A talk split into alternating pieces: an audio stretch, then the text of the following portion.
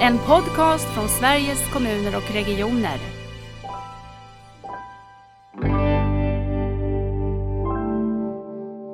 Där vi kan se att det finns väldigt många barn som ger vård, hjälp och stöd till föräldrar och andra närstående.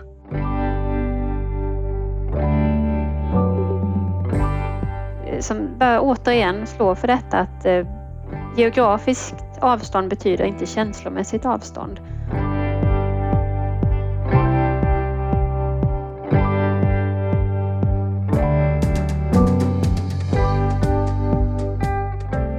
Välkomna till det här avsnittet av Nära vårdpodden där vi ska prata om ett väldigt viktigt perspektiv i omställningen till nära vård, nämligen anhörigas perspektiv.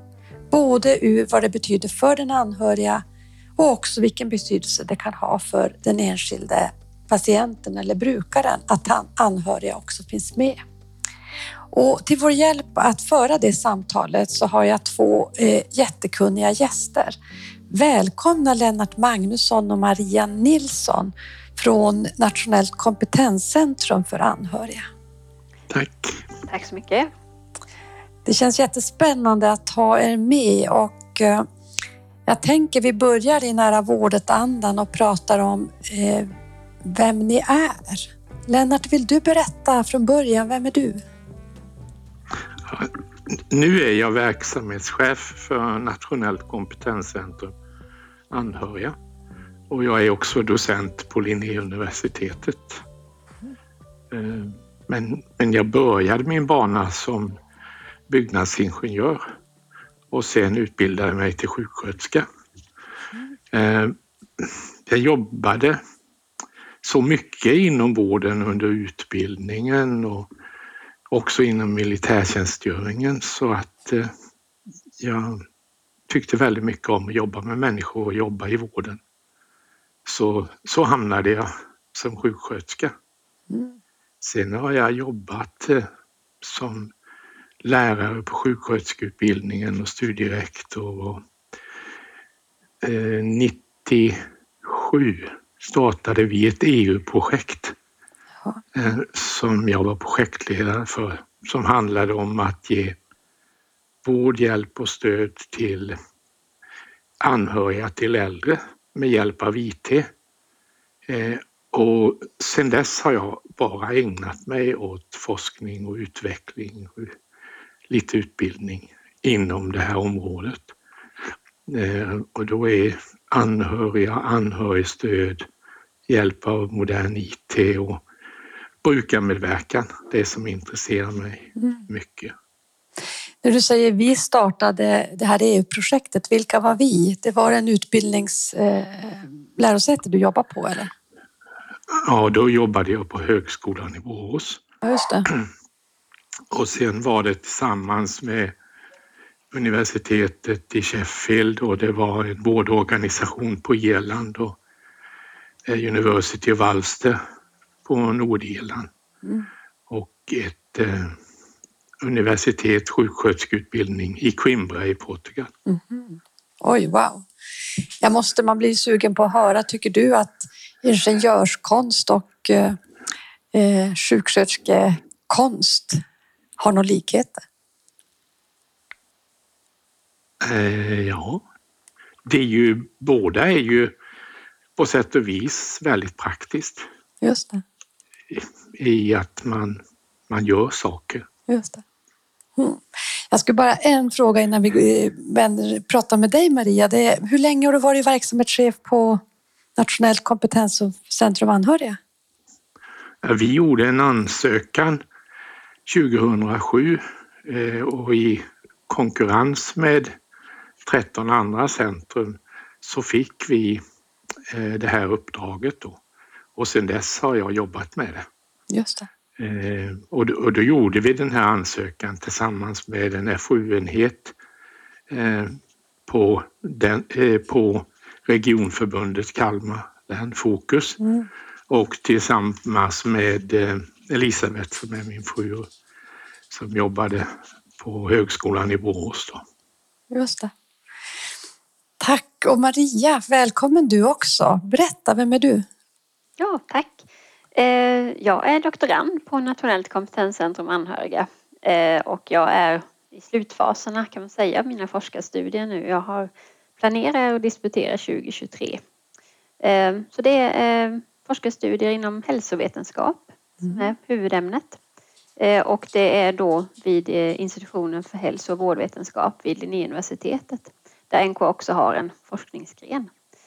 Ehm, och min bakgrund är eh, också som sjuksköterska. Jag har en specialistinriktning eh, mot operation.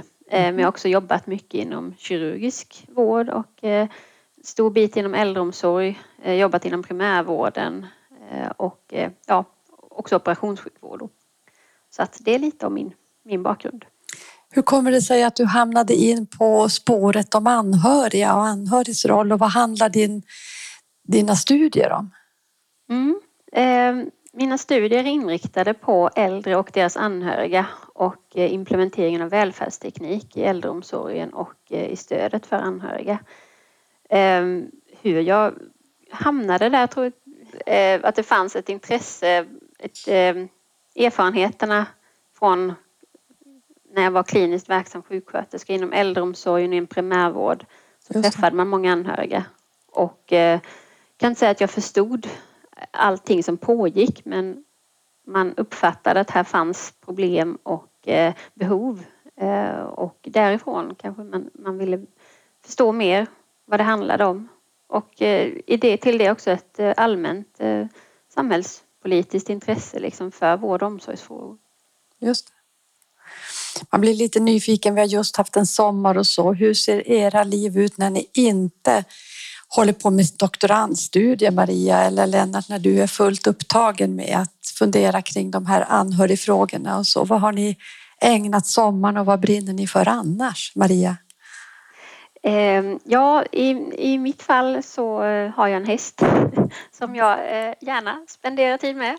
Eh, och sen nu är det som sagt det sista året i doktoranden. Det är lite tajt om tid kan jag säga för annat men jag läser gärna svensk historia och eh, lyssnar på eh, historiepoddar och sånt som mm. passar utmärkt för solstolen. Och vad härligt det lät. Eh, Lennart, hur ser, ser din andra del av livet ut? Eh, jag tycker väldigt mycket om att jobba i trädgård. Vara där och jobba med det, det var med med, med min familj. Mm. Det är också skönt. Mm. Ja, det är någonting och, där att och vila med att göra någonting helt annat. Mm. Jag tänkte när ni tänker på nära, vi ska ju prata om anhöriga och nära vård och så. Vad, vad är nära? Vad är nära för dig Maria? Eh, ja, jag tycker det var en jättebra, jättebra fråga. Jag kom väl fram till att jag tycker det är när det är enkla vägar till kontakt. Enkla vägar att nå den jag vill nå. Just det. Vad tänker du Lennart på nära? Egentligen mycket om att vara nära varandra, att komma till nära mm. med andra. Mm. Jag, jag, jag tänker på det här med ord och jag vet att ni får den frågan jättemycket. Det är ett nationellt kompetenscentrum för anhöriga. Och så har vi det här begreppet närstående. Och jag tycker jag, jag mötte er i några sammanhang och vi pratade om de här frågorna och jag tyckte jag, jag förstod dem bättre och lärde mig lite. För ni pratar, säger anhörig, nej ni säger närstående, förlåt. Och hälso och sjukvårdspersonal säger ofta närstående. Berätta, vad, vad är skillnaden eller hur ser ni på de här begreppen? Lennart? Mm. Eh, när det gäller anhöriga så är det den som ger vård, hjälp och stöd till någon närstående, någon som står dem nära. Så eh, anhörig, man skulle kunna säga anhörigvårdare, mm. eh, men det, det, behöver inte vara en familjemedlem. Det kan vara en granne, det kan vara en kollega, en vän. Mm. Eh, men det är någon som står nära den andra. Eh, man har någon slags gemenskap. Just det. Eh, och sen, sen inom eh, eh, vård och omsorg. Det är lätt att uttrycka sig som anhörig, den som ger vård, hjälp och stöd och närstående som den som får det. Mm. In, eh, där finns ju inte begreppet patient som det finns inom hälso och sjukvården så där kan man ju där blir ju patienten som tar emot vården. Just det. Och, och det här är ju en, en liten utmaning för att i kommunerna så talar man om anhöriga. Absolut. Och i de eh, material och förarbeten som finns till vårt eh, kompetenscentrum och också i lagstiftningen i socialtjänsten så är det anhörig. Mm. Och i dokumentation inom hälso och sjukvården så skriver man närstående. Mm. Nej, men jag tror att det där är viktigt ändå, även om man inte ska...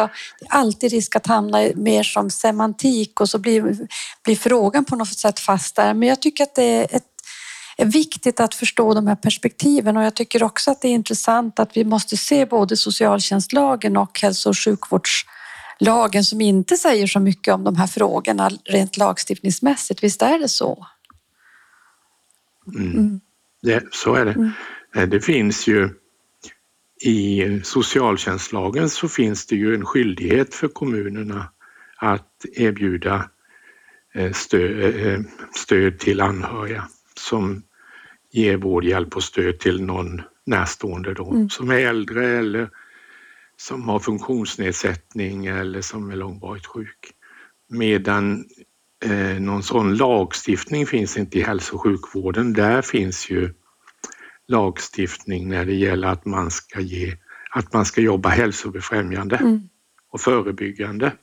Eh, och att stödja anhöriga kan många gånger vara förebyggande och hälsofrämjande. Verkligen. Och jag tänker också att i, i all egentligen grunder till utredningsgrunder kring omställningen till nära vård utgår ifrån det personcentrerade förhållningssättet. Och så fort man tar personperspektivet förstår man att personen är ju aldrig en isolerad varelse. Vi finns ju alltid i ett sammanhang. Och då tänker jag att då blir det också viktigt att, att också resonera kring anhörigas roll och, och eh, anhör, behov hos anhöriga.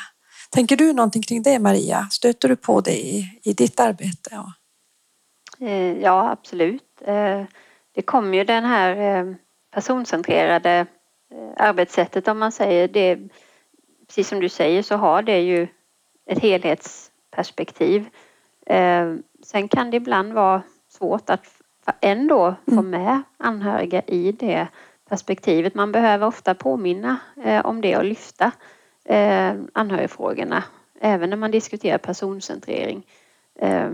Så det är väl den erfarenheten jag har att, eh, att det behöver hela tiden vara en levande diskussion om vad menar vi med personcentrering? Hur, hur tar det sig mer konkret uttryck så att säga och vad har, vilken roll har anhöriga för den här personen vi pratar med just nu? Och även när det gäller den anhörige så kan man även där ha ett personcentrerat förhållningssätt att för dig som anhörig, vad är viktigt för dig här och nu? Verkligen. Jag jag håller helt med dig Maria. Jag tror att vi har en väg och en sträcka att gå att också eh, förhålla oss till anhöriga när vi tänker personcentrering, både i mötet med dem men också att vi har en roll att spela för anhöriga. Och ibland tänker jag, jag skulle vilja höra er fundera kring det, för jag tänker att det också handlar om att hälso och sjukvården har varit så noga med det här med och är noga och ska vara noga med sekretess och självbestämmandet och inte bli påverkad och att det här kanske också påverkar förhållandet till hur man förhåller sig till, till anhöriga. Tror ni det? Maria, vad tänker du? Ja, jag tror att du sätter lite, eh, vad ska man säga, pekar på lite av kulturella en kultur som mm. finns inom vård, hälso och sjukvården och eh, inte bara kultur också som du säger lagstiftningsbaserat eh, på det viset vilket har gjort att man tyvärr många gånger kanske har gjort att man bortsett lite grann från anhörigas behov och tyvärr gjort dem marginaliserade till och mm. med. Att de, de har inte fått ta del av information som de hade behövt för att göra Eh, Eh, ge stöd eh, åt sin närstående eller klara situationen för egen del. Och eh, där tror jag att man, vi har ett stort arbete att göra, att diskutera hur kan vi liksom hjälpa hela patienten och även anhörig. För att om man ger anhörig stöd så mår också patienten bättre i det ofta. Va? Ja, verkligen. Och, och jag tänker det du var inne på, på Lennart, att, att också stödja eh, den anhörige är ju också ett sätt att bevara hälsa hos den anhörige. För är det någon som står en nära så påverkas man ju oerhört mycket av att någonting drabbar den som står en nära. Man mår inte bra. Och hur kan man då som anhörig också få stöd? Har du några tankar kring det Lennart? Ja, det är ju viktigt för att eh, eh, eftersom anhöriga är de som finns där hela livet eh, många gånger och, och då är de med, de, har, de kan bidra med en historia och de kan vara ett stöd för den närstående eller patienten. Mm. Och då blir det viktigt att man också tar tillvara det och också hjälper dem att kunna behålla sin hälsa och att kunna ge stöd till sin närstående. Som det är ju en väldigt, i de allra flesta fall så vill man ju hjälpa varandra. Exakt. Och, och då är det att kunna vara, till exempel följa med på ett besök, att få vara med i en, en SIP mm. till exempel och att kunna bidra kan betyda jättemycket för, ehm, för både patienten eller den närstående då, och för den anhörige. Mm. Och kanske också, eller det skulle jag väl säga att det är så, också för personalen för det blir ju två som hör informationen eh, och man kan jobba tillsammans. För så att, att ha med anhöriga och stödja dem och informera kan ju också vara ett sätt att göra det lättare för personalen i sitt arbete. Verkligen. Eh, ja, det här med information och delaktighet och kunna göra det man kan själv för sin egen hälsa. Det är ju inte lätt i de här mötena med vården att få vara fler och att vara de som, som i vardagen ska, ska leva tillsammans med den här sjukdomen är ju superviktigt. Jag tänker er relation till nära vård, hur ser den ut? Eh, på vilket sätt eh, kommer ni i kontakt med omställningen till nära vård? Lennart? Vi kommer ju att... Eh, vi, vi ser ju att det finns ett behov av att finnas med som en resurs för de som vill utveckla sin verksamhet och att också ta till sig det vad den nya nationella anhörigstrategin betyder. Just det. Eh, och vi har ju varit engagerade under utredningen med att skriva remissvar och peka på anhörigas betydelse.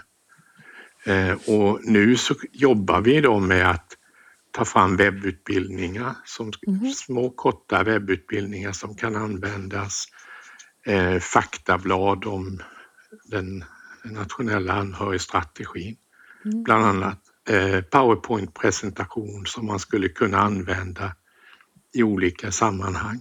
Var hittar man dem när de är färdiga? På vår webbsida. På webbsida. Ja. Maria, det... Eh, ja, förlåt. Ja, www.anhoriga.se. Ja, just det. Mm. Eh, Maria, vad, vad, är din relation till omställningen till nära vård? Mm. Nej, men jag har ju också varit delaktig i det här eh, arbetet med att ta till eh, varit med i hearings och lett hearings med anhöriga och eh, med eh, eh, yrkesverksamma inom både kommun och regioner. Även mot näringsliv, privat sektor har vi haft hearings där vi har diskuterat omställningen. Jag har väl också fokuserat extra mycket på välfärdsteknikens roll mm. i både utredningsarbeten och sen då följt, Eh, vad ska man säga, de, de lagförslag som har kommit, propositioner som har kommit eh, efter det. Och eh, för min forskning så är ju reformarbetet är ju en del av kontexten, en viktig del av kontexten för min forskning. Att förhålla mig eller förstå hur, hur den här om, omställningen påverkar äldre och deras anhöriga så att säga. Just det. Vad spännande, då ser man ju fram emot att läsa avhandlingen sen och se hur, hur det hänger ihop. Eh, jag tänker att det är bra att, att börja någonstans, berätta också lite kort om, om Nationellt kompetenscentrum anhöriga. Alla känner inte till det och hur, vad er roll är och, och så. Och sen också som du var inne på Lennart, du nämnde i förbifarten den nationella anhörigstrategin som vi just har fått i Sverige. Så börjar någon av er att berätta lite grann om NKA, för ni förkortar Nationellt kompetenscentrum anhörig som NKA. Så, mm. Ja, som sagt, vi startade eh, 2008 då, efter en utlysning. Och då var eh, inriktningen anhöriga till äldre. Och eh, vårt uppdrag idag gäller anhöriga i alla åldrar. Barn som är anhöriga till föräldrar eller syskon eller vänner. Eh, vuxna och äldre.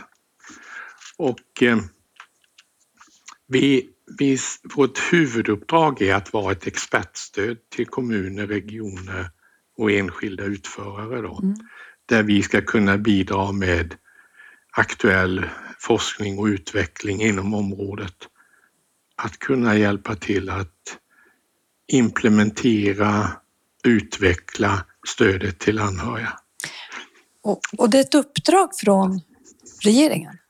Det är ett uppdrag från regeringen. Eh, är det. Mm. Där, där, eh, det går ja, via Socialstyrelsen då, men det kommer från Socialdepartementet. Just det. Om man nu finns i en kommun och en region och tänker det här känns väldigt viktigt. Hur ser det där? Hur har du organiserat det här stödet som, som ni kan ge till kommuner och regioner? Ja, dels så gör vi ju sammanställning av aktuell eh, kunskap då.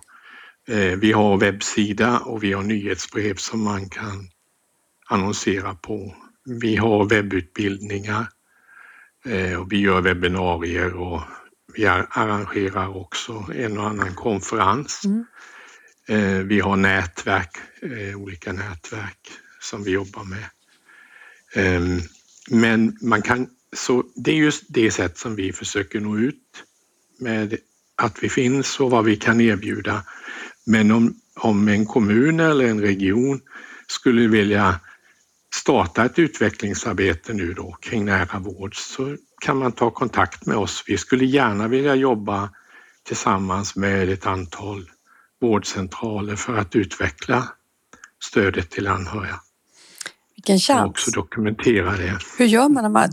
kan man gå in på er webbsida och skicka någon, något intresse eller hur gör man? Ja, eller skriva ett mejl. Ja. Eller ringa. Just det. Vi får se till att den här podden också kan eh, se till att det finns era kontaktuppgifter där så att man hittar er när man blir sugen och har mm. lyssnat på det här. Maria, har du någonting, din, eh, din roll var du lite inne på på NKA. Har du något du vill komplettera Lennart med? Eh, för NKA tänker du? Ja. Eh, ja, nej, jag tänkte just det Lennart eh, har nämnt där våra nätverk. Eh, vi har ju bland annat eh, nätverk för eh, välfärdsteknik eh, och eh, hur välfärdstekniken kan användas för att ge stöd till, till anhöriga. Och där försöker vi ha en trevlig blandning av både kommun, region, näringsliv och privata aktörer så att säga att man får träffas och utbyta erfarenheter och diskutera hur man tagit sig an där man har kommit längre med stöd och där man inte har kommit lika långt och sånt som kunskapsutbyten. Det är ett exempel från mm. Eh, det vi gör. Tycker ni att ni ser eh, ett ökat intresse? Tycker ni att, att det finns någon typ av känsla för att nu håller vi på att ställa om och nu förstår man att sammanhanget och, och den anhöriga också är en del av en, en god hälso och sjukvård och omsorg? Jag tycker att man kan se hur intresset för anhörigfrågor har ökat successivt. Ehm, så att det är, mer, det är vanligare att man tar upp och pratar om anhöriga och det finns, är vanligare att det förekommer i media. Mm. det finns ett större intresse hos politiker och chefer. Mm. Um, och det, det är både hälso och sjukvård och kommuner. Mm. Och, och, också att hälso och sjukvården börjar se att ja, det här är nog en fråga som vi behöver ta med i diskussionen. Mm. Men hur var det, har ni, jag tänker om man eh, det finns ett mycket större intresse tycker jag bara på de senaste åren att kommuner och regioner vill jobba samskapande med patient och brukarrörelse med invånare. Om man vill jobba också samskapande tillsammans med eh, anhörigorganisationer eller med, med regionalt, kan man göra det på något sätt? Ja, det kan man. Det är nog, det är nog egentligen eh, mer att man, man tar initiativ till att göra det.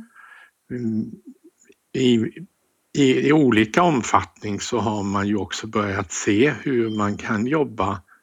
Eh, Region Kalmar då där vi finns ja. geografiskt. Eh, där jobbar man ju och har en policy för invånare och, och brukare och patient och närstående medverkan. Mm och en, en grupp av eh, personer som man kan engagera i, eh, i olika utvecklingsarbete. Mm. Och eh, den gruppen anmäler man sig till själv om man vill vara med. Just det. Så. och det fanns ju inte om vi säger för tio år sedan. Nej. Ju... Och viktigt att man också, om man har en roll som, som anhörig, kan känna att men den sån grupp kan jag också platsa i och anmäla mig till. Därför att det finns mm. viktiga perspektiv att ta med när man utvecklar den vården i kommun och region. Så. Jag tänker att ett, eh, ett sånt där check som ni säkert gör på eran lista för att det händer mer saker, det är ju den nationella anhörigstrategin som vi alldeles nyligt har fått i Sverige. Det är väl vår första? Det är vår ja. första. Det måste väl vara en, ett, ett steg i rätt riktning? Ja, det känns väldigt viktigt. Vi, eh, vi började 2017 och lobba för att det skulle finnas en strategi. Och det gjorde vi ju tillsammans med också idéburna organisationer, olika Anhörigas riksförbund till exempel, eh, NSPH. Mm. Och sen har det eh, har det vi jobbat framåt med det. Man, då ville man från ministern, socialministern och eh, socialdepartementet att vi skulle vara mer, eh, mer detaljerade och visa på vad det kunde vara. Så vi höll på under ett år och gjorde ett utvecklingsarbete tillsammans med anhöriga och personal och chefer för att ta fram ett förslag och sen fick Socialstyrelsen i uppdrag att eh, ta fram två underlag, ett när det gällde anhöriga till ett äldre och en när det gällde övriga grupper av anhöriga. Mm.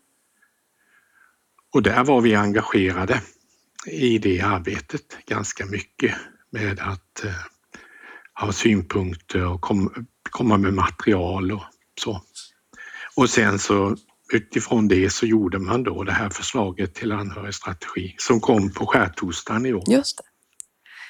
Så det var en fin påskpresent. En påskpresent. Eh, ja. Är det ni som har uppdraget att förverkliga strategin? Att vara ledare för att strategin också leder till förändring? Nej, det har vi inte. Nej.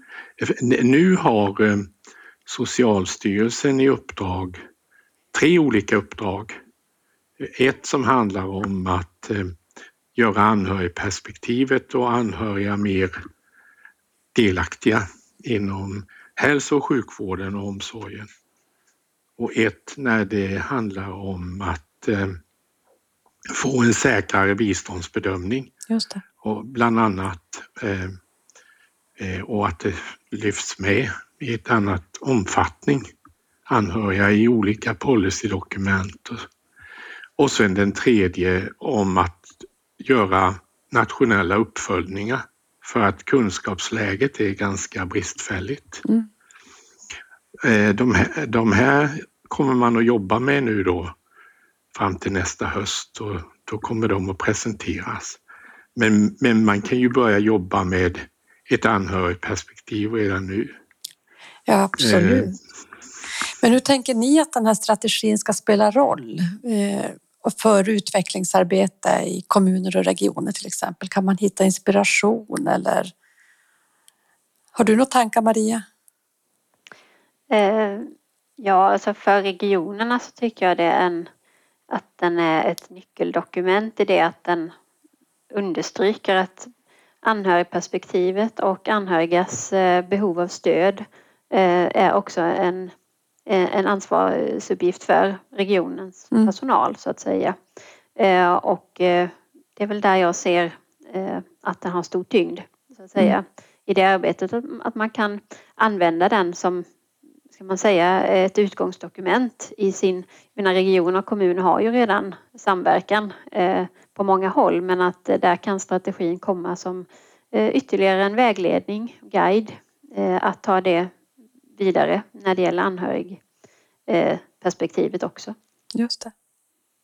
Lennart, du var på väg också att säga någonting. Hur tänker du?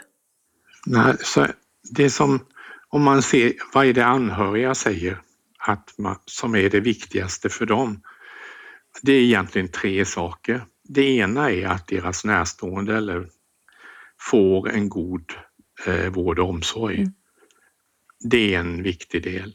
Men sen också ett anhörigperspektiv att, att de eh, får, görs delaktiga, får information, utbildning och får finnas med. Och sen det tredje är att det finns ett individuellt flexibelt stöd och det stödet behöver inte vara så omfattande. Eh, men bara det att man ses, blir sedd och får information och hänvisad till olika ställen där det finns stöd kan ju vara av stor nytta. Just det. Tänker du stödet Men, till den anhöriga? Eller? Ja. Mm. Mm. Mm.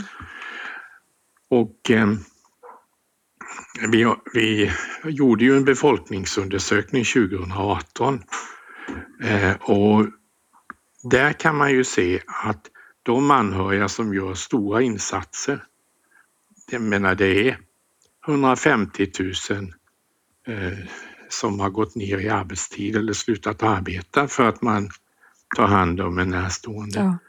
Ja. Eh, och då gör man stora insatser så påverkas också hälsan Eh, och många och särskilt äldre anhöriga talar om att deras hälsa påverkas och de är oroliga och skulle vilja ha hälsoundersökningar och hälsorådgivning mm.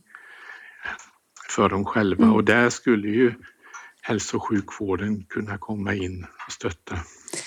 Ja, det var precis det jag tänkte. Just det här att också, du var inne väldigt tidigt i vårt samtal på det här med det främjande och förebyggande och också förebygga ohälsa hos anhöriga för att man både har oro, man tar kanske en stor, gör en stor arbetsinsats och, och så att, man, att vi också bryr oss om hälsan hos den, den anhörige.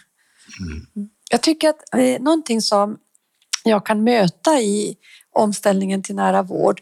Eh, tanken är ju att eh, man som person också ska bli mer självständig. Man kanske lever med en långvarig sjukdom, men jag ska inte behöva vistas på sjukhus. Jag ska kunna vara mer i mitt hem. Jag ska kunna ha ett bra liv. Men att det också finns en oro att ju mer vården flyttar hem, ju mer så kommer ju också de anhöriga att eh, bli involverade på olika sätt. Möter ni det och, och hur resonerar eh, de som ni möter kring det och hur resonerar ni kring det? Hur ska vi tänka? Jag, jag tror det är precis som viktigt som du säger att eh, när vi ska flytta vården hem så är det jätteviktigt att komma ihåg att det är anhöriga som finns i hemmet 24 timmar om dygnet så att säga. Eh, och det är de som eh, håller sällskap i väntan på när man har larmat så är det de som finns där i väntan på att hjälpen kommer. Det är ofta de som söker hjälp. Eh, ringer telefonsamtal, frågar, bokar, sköter samordningen. Eh, och det är jätteviktigt att ha med sig det. Mm. Eh, och inte bara de som finns i hemmet utan också anhöriga som kanske bor på distans, ofta barn som bor kanske långväga ifrån. Eh, som vet att nu är min mamma eller pappa eh, hemma eh, och finns, den, finns det hjälp och stöd som som är i foder ligger i sammanhanget. Mm. Att man gör de anhöriga också delaktiga. Det finns utmärkta möjligheter för det idag med videomöten, videokonferenser, att man håller anhöriga på distans eh, delaktiga och uppdaterade Mm. vad som händer. Eh, så att man inte, även om man finns på distans så kan man vara på en väldigt känslomässig närhet Mm. så att säga. Intressant perspektiv. För man, när jag har tänkt på frågan så är det lätt att man direkt tänker att det är på något sätt den fysiska närvaron.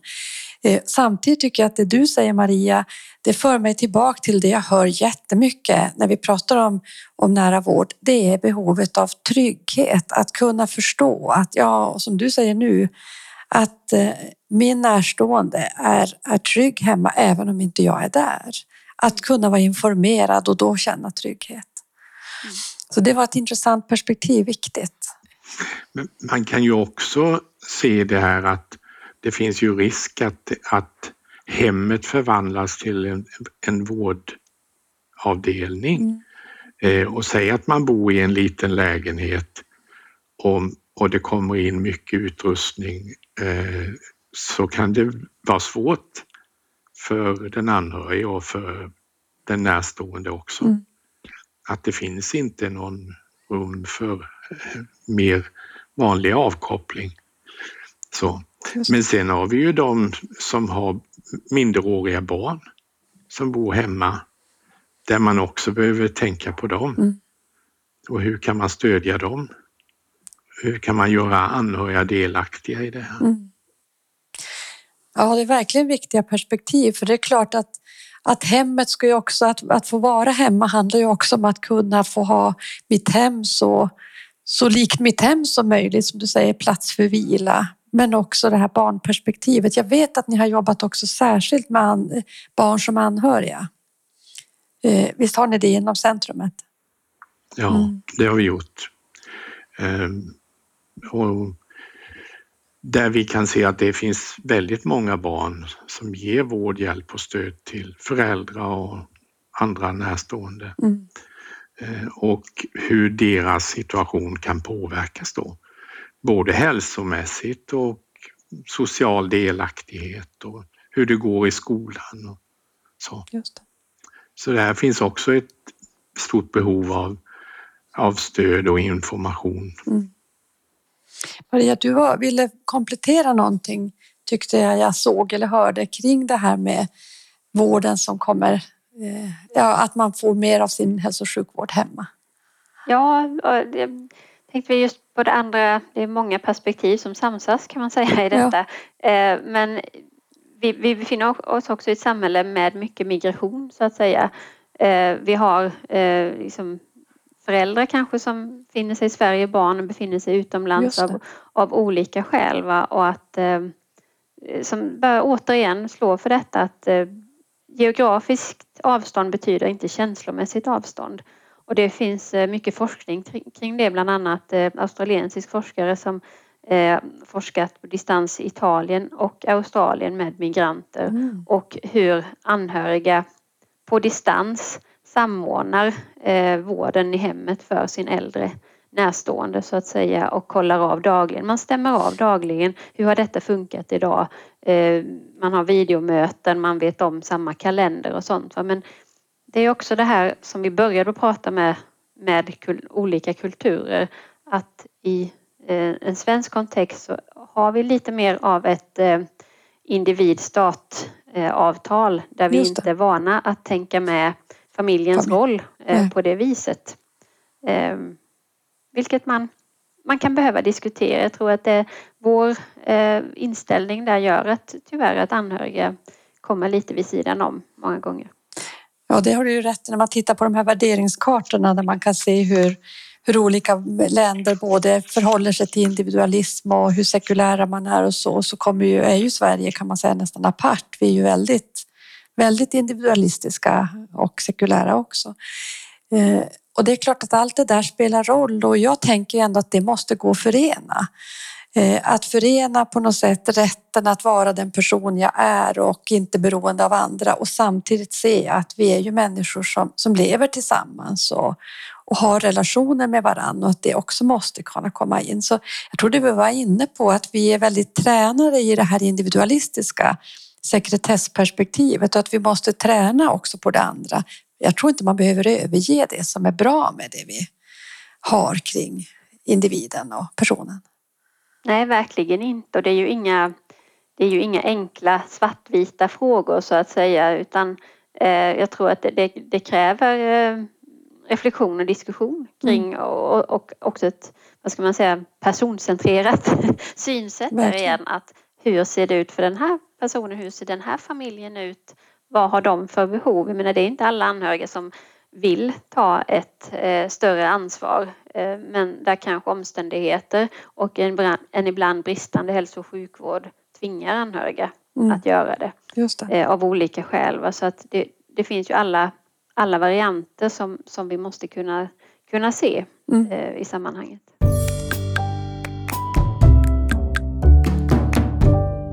Jag tänker jag är lite nyfiken också på om du kan säga någonting kring din forskning och så, men innan vi går in på det så ska jag ändå vilja stanna vid frågan att rädslan för att nära vård ska eh, bli negativt för anhöriga. Samtidigt när jag har pratat med er tidigare, Lennart, när vi har pratat vid så att ni är ju inte på det sättet motståndare till, till omställningen, utan vi behöver bara ha med oss de här perspektiven. Eller vad, vad tänker ni? Lennart, vad tänker du kring det? Nej, jag, jag tänker så här, det, det, med nära vård kommer att påverka anhöriga. Mm. Och, och, det är ofrånkomligt mm. att det blir så. Och då istället behöver man tänka, hur kan vi jobba tillsammans mm. med de anhöriga för att göra det här så bra som det, som det går? Mm. Eh, och då handlar det om delaktighet mm. väldigt mycket och stöd till anhöriga. Och att man ser dem. Eh, och det som egentligen Maria beskrev innan, hur ser familjesituationen ut och hur, hur kan man stötta dem i att vara ett stöd för sina närstående? Mm. Och jag tänker också att det är väl våra förändrade behov ställer ju också nya eh, vad ska jag säga, krav på oss att involvera också anhöriga. För ju fler i befolkningen som lever med långvarig sjukdom, ju mer kommer vi också att dels leva med det också i vardagen såklart. Det är inte någonting man åker in på sjukhus med och sen var det klart utan och då är vi ju ett sammanhang och ett kontext och, och tillsammans med våra anhöriga så att eh, det finns all anledning att faktiskt fördjupa den här frågan mycket, mycket mer precis som ni gör. Jag tänker när du säger Maria om Australien där och att man faktiskt kan, kan följa och planera och vara anhörig också på distans. Så hur mycket kan du berätta åt oss om det du har sett i dina studier? Jag tänker forskningen kring eh, anhöriga och välfärdsteknik och så. Vi är nyfikna. Mm. Ja, ja eh, lite kort eh, söka. Jag, jag har ju eh, tagit som någon slags utgångspunkt att man kan se implementeringen av välfärdsteknik eh, som, som är en ska vi säga, spegel av samhällets syn på eh, äldre och deras anhöriga och eh, för att eh, säga, försöka förstå det mer så har jag ju bland annat eh, granskat kommunala policydokument och jag har intervjuat eh, ordförande i omsorgsförvaltning, vård och omsorgsförvaltningar i tolv svenska kommuner. Eh, och eh, i de eh, studierna så om vi just fokuserar på anhörigas roll så är det ju tyvärr så i nuläget att anhöriga har inte en stor roll när det gäller välfärdsteknikens implementering. Eh, varken i policydokumenten eller eh, ur politikernas perspektiv så som vi har pratat om det. det man ser när det gäller omsorgsförvaltningens folkvalda ledare då, då ser man anhöriga lite grann som eh, en social del i den sociala kontexten kan man säga. Det. Att det ska vara, man talar om att det ska vara lätt att höra av sig till dem och de kommer och fika på söndag eftermiddagen men sen ser man inte att de har en större plats än så egentligen. Eh, och eh, det, det, står ju lite i kontrast till vår befolkningsundersökning från 2018 som visar att anhöriga tvärtom gör väldigt stora omsorgsinsatser många Mm. gånger. Eh, inte minst de äldre, 65 personer som är 65 och äldre gör ju många gånger jättemånga timmar per vecka över heltidsinsatser alltså. Ja. Och eh, där, där är en motsättning och då, då menar jag ju på eh, att det, det, det är svårt att utforma ett stöd med välfärdsteknik om man inte ser vad anhöriga faktiskt gör. Eh, och, och kan liksom se de behoven och då ser man ju inte heller den potentialen som välfärdstekniken kanske skulle ha. Eh, många gånger så vill man ju från eh, polit politikernas sida så är man inte riktigt öppen för att involvera anhöriga på det viset utan man anser att det är någonting som det offentliga ska sköta så att säga. Det. Ehm, och och det, det, kan vara, det kan vara svårt när anhöriga å sin sida står och ser de här stora behoven eh, och inte släpps in, inte, Nej. inte liksom blir, blir så delaktiga som man kanske skulle önska många gånger. Ehm, så det var lite kort om, om min intressant. så långt.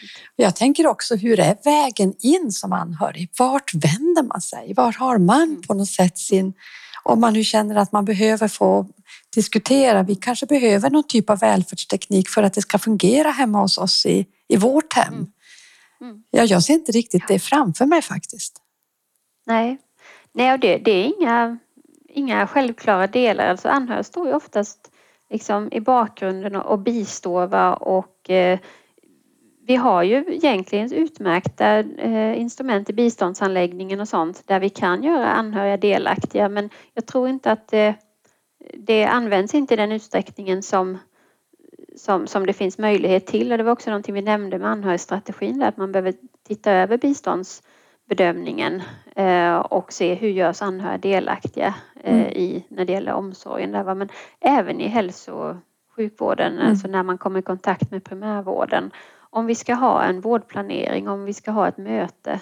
eh, Ska vi ha ett videomöte? Ja, men vill du att är det någon anhörig som ska bjudas in? Just det. Eh, Är det okej för dig som patient att, eh, att din anhörig är med så att vi skickar en länk även till anhörig? Eh, Mm. Att, det, att det kan vara fördelaktigt och man kan informera patienten om att eh, får gärna ta med en anhörig. Det är jättebra om det är två som lyssnar och att vi liksom hjälps, hjälps åt att komma ihåg vad som är sagt och hjälps åt att komma ihåg frågor och sånt.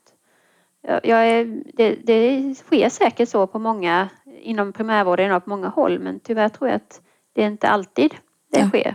Nej, vi pratar ju mycket i nära vård jobbar vi ju för ett patientkontrakt eller ett sätt att få sin, sin samlade information. Och jag tänker också att det är ju en oerhörd trygghet också för närstående som kanske mycket idag fungerar som den här koordinatorn. Har remissen kommit fram? Behöver jag ringa och kolla det? Hur var det med den där tiden?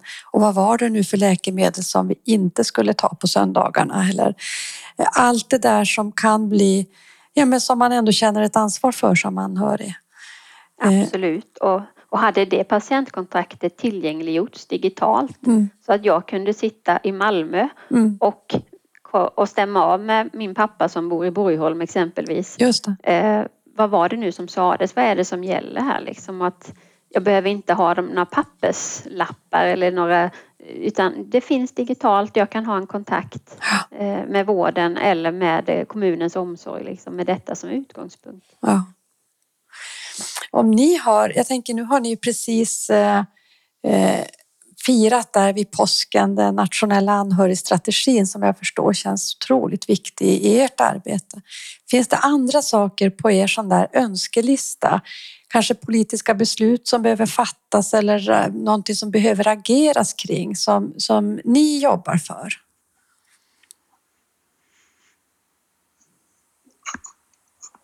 Man kan, man kan ju säga att nu, det, det som känns allra viktigast är, eh, det är ju att, att det nu tas med, anhörigstrategin tas med i, i planer och i handling, i policydokument, i utredningar och, och när man tar olika beslut att man också väger in vad de får för konsekvenser för anhöriga. Mm. Eh, på mer organisatorisk nivå Mm. och starta utvecklingsarbeten. Sen, sen är det ju, det finns ju ett stort intresse, särskilt bland anhöriga, av att man också skulle kunna få en ersättning när man, att man skulle kunna vara hemma några dagar för att ge vård, hjälp och stöd till sin närstående och det kan man ju idag bara när det är närstående penning. Ja, just det. Och, och den, där bedöms det ju som att det är i ja, livets slutskede. Mm. Just det. Jag tänker direkt när du pratar Lennart att vi ska se till också i vår verktygslåda från SKR, för vi försöker ju vara stöd också till eh, kommuner och regioner och de som jobbar med omställningen på olika sätt, att vi också har, man går och hittar anhörigstrategin eh, hos oss så att man, vi kan vara många som kan jobba för de här perspektiven samtidigt. Vi ska börja avrunda det här spännande samtalet, men finns det saker som vi inte har pratat om som det här behöver vi faktiskt ta upp innan vi eh, avslutar för den här gången? Nej, jag tror inte det. Nej. Maria, hur känner du? Ja, när jag satt också och letade här i, i eh, eh, minnet. Jag tycker att vi, vi, har fått med det mesta och det här säga vad man skulle önska mer. Eh, de här grupperna, alltså jag, jag skulle önska att eh, det fanns ett gott stöd för anhöriga i hälso och sjukvården eh, i de här stora grupperna liksom, eh, som drabbas anhöriga eh, till personer med cancersjukdomar, anhöriga till personer med stroke. Eh, där, där man liksom kämpar dagligen på alla håll. Mm. Det är väl lite av en dröm för mig att, att det skulle finnas ett välfungerande stabilt stöd för dem så att deras tillvaro inte behöver rasa fullständigt samman när det gäller ekonomi och eh, eget socialt liv och kunna fortsätta sina studier, kunna fortsätta jobba eh, och ändå finnas för sin närstående. Det är väl lite... Är det stödet, det, tänker du, ett, ett personligt stöd, alltså att få någon att samtala med eller vad, vad, vad tänker du när du tänker stöd? Eh, alltså flera flera delar men, men en välfungerande hälso och sjukvård där de blir sedda mm. eh, och eh, med sina behov. Och som mm. vi har sagt innan, liksom, eh, ett flexibelt stöd som kan möta dem kvällstid. Jobbar de så kanske de behöver ha tillgång till eh, informationen kvällstid exempelvis.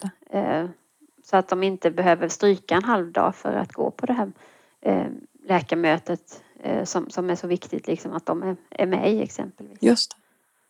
En mycket större flexibilitet egentligen från hälso och sjukvården att möta de här sammanhangen där vi behöver eh, kunna låta människors liv pågå fort, fortsatt pågå som också anhörig.